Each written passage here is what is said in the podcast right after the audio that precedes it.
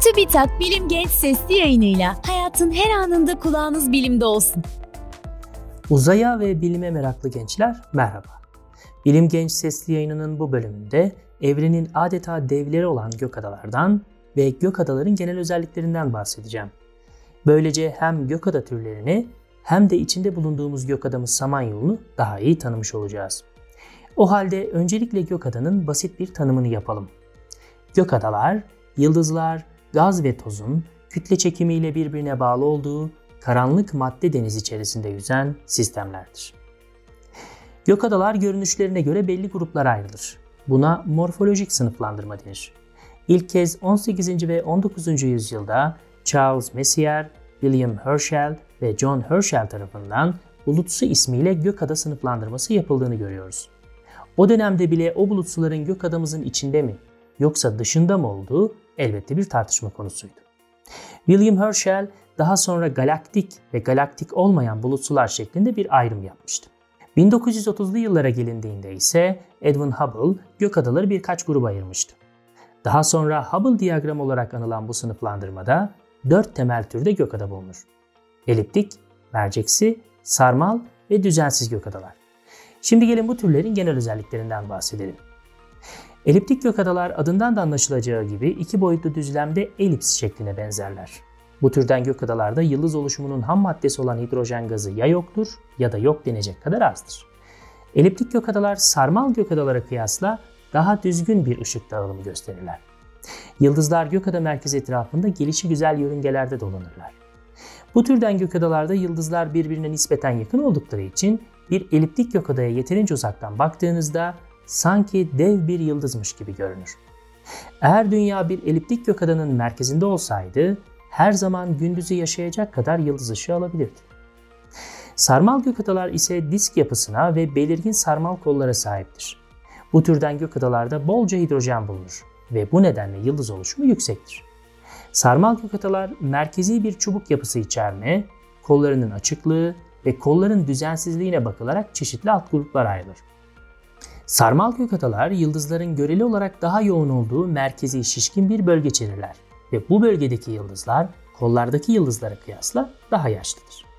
Gökadamız bir sarmal gökadadır ve merkezinde yıldızların yoğun olarak bulunduğu ancak baskın olmayan bir çubuk yapısı vardır.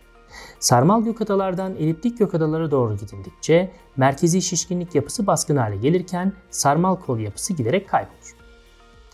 Gökadamızın düz bir disk şeklinde olduğunu söylesek de yakın bir zamanda yayınlanan bir çalışma, gökadamızın diskinin dış kısımlarında bir bükülmeye uğradığını ve yeterince uzaktan bakılırsa gökadamızın diskinin kabaca bir S harfine benzediğini göstermiştir.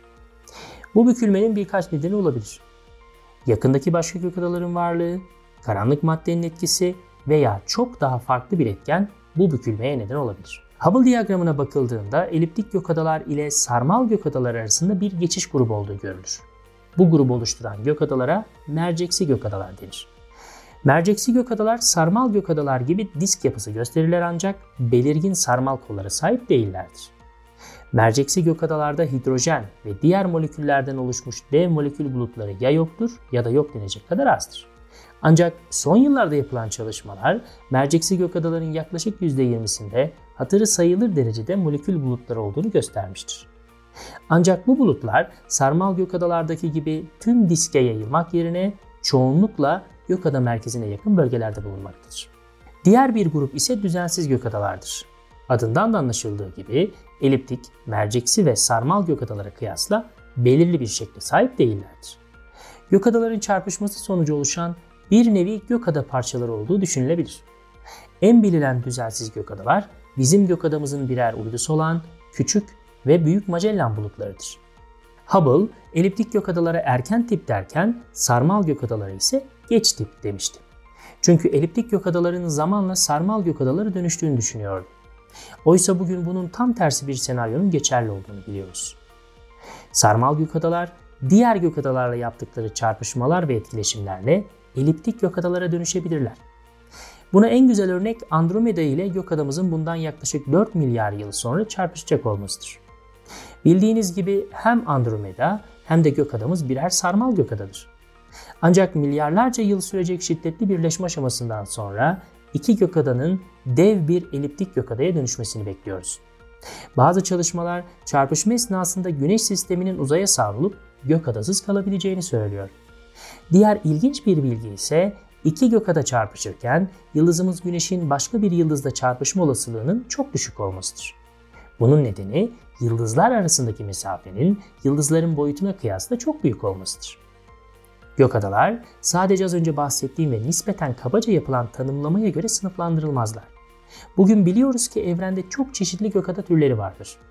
Parlaklık ve yıldız kütlesi, boyut ve yüzey parlaklığı, gaz kütle fonksiyonu, renk, çevresel özellikler, çekirdek aktivitesi ve kırmızıya kayma parametreleri gökadaları karakterize eden diğer önemli parametrelerdir.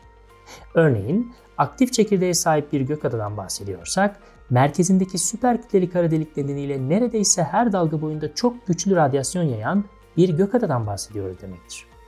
Peki her gökadanın merkezinde süper kütleli bir kara delik var mı? Yanıt hayır. Ancak her büyük gökadanın merkezinde en az bir adet süper kütleli kara delik olduğundan neredeyse eminiz. En az bir adet dedim çünkü bazı gökadaların merkezinde birden fazla süper kütleli kara delik olabilir. Geçen aylarda açıklanan bir çalışma bir gökadanın merkezinde yer alan ve birbirine çarpmak üzere olan iki süper kütleli kara deliğin varlığını kanıtladı. Peki kara delikler şiddetli bir şekilde birleştiğinde ne olur? Uzay zaman dalgalanması. Bu konudan başka bir bölümde detaylı olarak bahsedeceğiz. Peki bir gökada ne kadar büyük olabilir? Bu sorunun yanıtını vermeden önce başka bir sorunun yanıtını vermeliyiz. Gökadaya hangi dalga boyunda bakıyoruz? Örneğin kendi gökadamızın çapı 100 bin ışık yılıdır deriz. Ancak bu görsel dalga boylarındaki çapıdır. Eğer gökadamıza daha uzun dalga boylarında, mesela nötr hidrojene özgü 21 cm dalga boyunda baksaydık, gökadamızın 100 bin ışık yılından çok daha büyük olduğunu görürdük. Yani gökada büyüklükleri görecelidir. Hangi dalga boyunda baktığınıza göre değişir. Gökadalar katı bir cisim gibi keskin sınırlara sahip değildir. Onları katı bir cisim olarak değil de genişlemiş bir cisim olarak düşünmek gerekir. Astrofizikte çözüm bekleyen önemli problemlerden biri de kayıp baryonik madde problemidir. Yani evrenin görebildiğimiz %5'lik madde miktarının aslında neredeyse yarısı bugün direkt olarak gözlenememektedir. Büyük patlamadan hemen sonraki kimyasal süreçler evrende ne kadar baryon olması gerektiğini bize söyler. Ancak bugün gözlemlerle hesapladığımız baryonik madde miktarı olması gerekenin neredeyse yarısı kadardır. Birkaç ay önce yapılan bir çalışmayla bu kayıp maddenin galaksiler arası uzayda olabileceği yönünde ciddi deliller bulundu. Gökadalar sık sık çarpışır ve ilginç şekiller ortaya çıkar. Son yıllarda yapılan gözlemler evrenin inanılmaz bir gerçeğini ortaya çıkardı. Çarpışan veya etkileşen gökadalar alfabedeki tüm harflere, sayılara, soru ve ünlem işaretine benzer şekiller ortaya çıkarmıştır. Yani teknik olarak adınızı gökadalarla yazabilirsiniz. Evren gerçekten sürprizlerle dolu bir yer. Son olarak şunu da belirtmekte fayda var. İnternette gök adamımızın görüntüsünü arattığınızda bazı görsellerle karşılaşırsınız.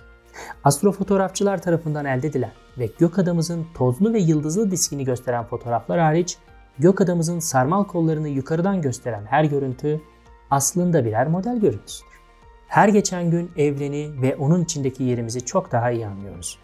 Yüzyıl önce evrendeki tek gök adamın bizimki olduğunu düşünüyorduk. Bugün ise en az 2 trilyon başka gök adamının olduğunu düşünüyoruz. Kim bilir yakın bir gelecekte hangi keşiflere şahit olacağız. Bilim Genç sesli yayınının bir bölümünün daha sonuna geldik. Bu yayınımızda gökada çeşitlerinden ve onların genel özelliklerinden bahsettik. Bir sonraki yayınımızda evrenin başka bir gerçeği hakkında sohbet etmek üzere. Hoşçakalın. Bilim Genç Sesli yayınlarını SoundCloud, Spotify, Google ve Apple Podcast kanallarımızdan takip edebilirsiniz.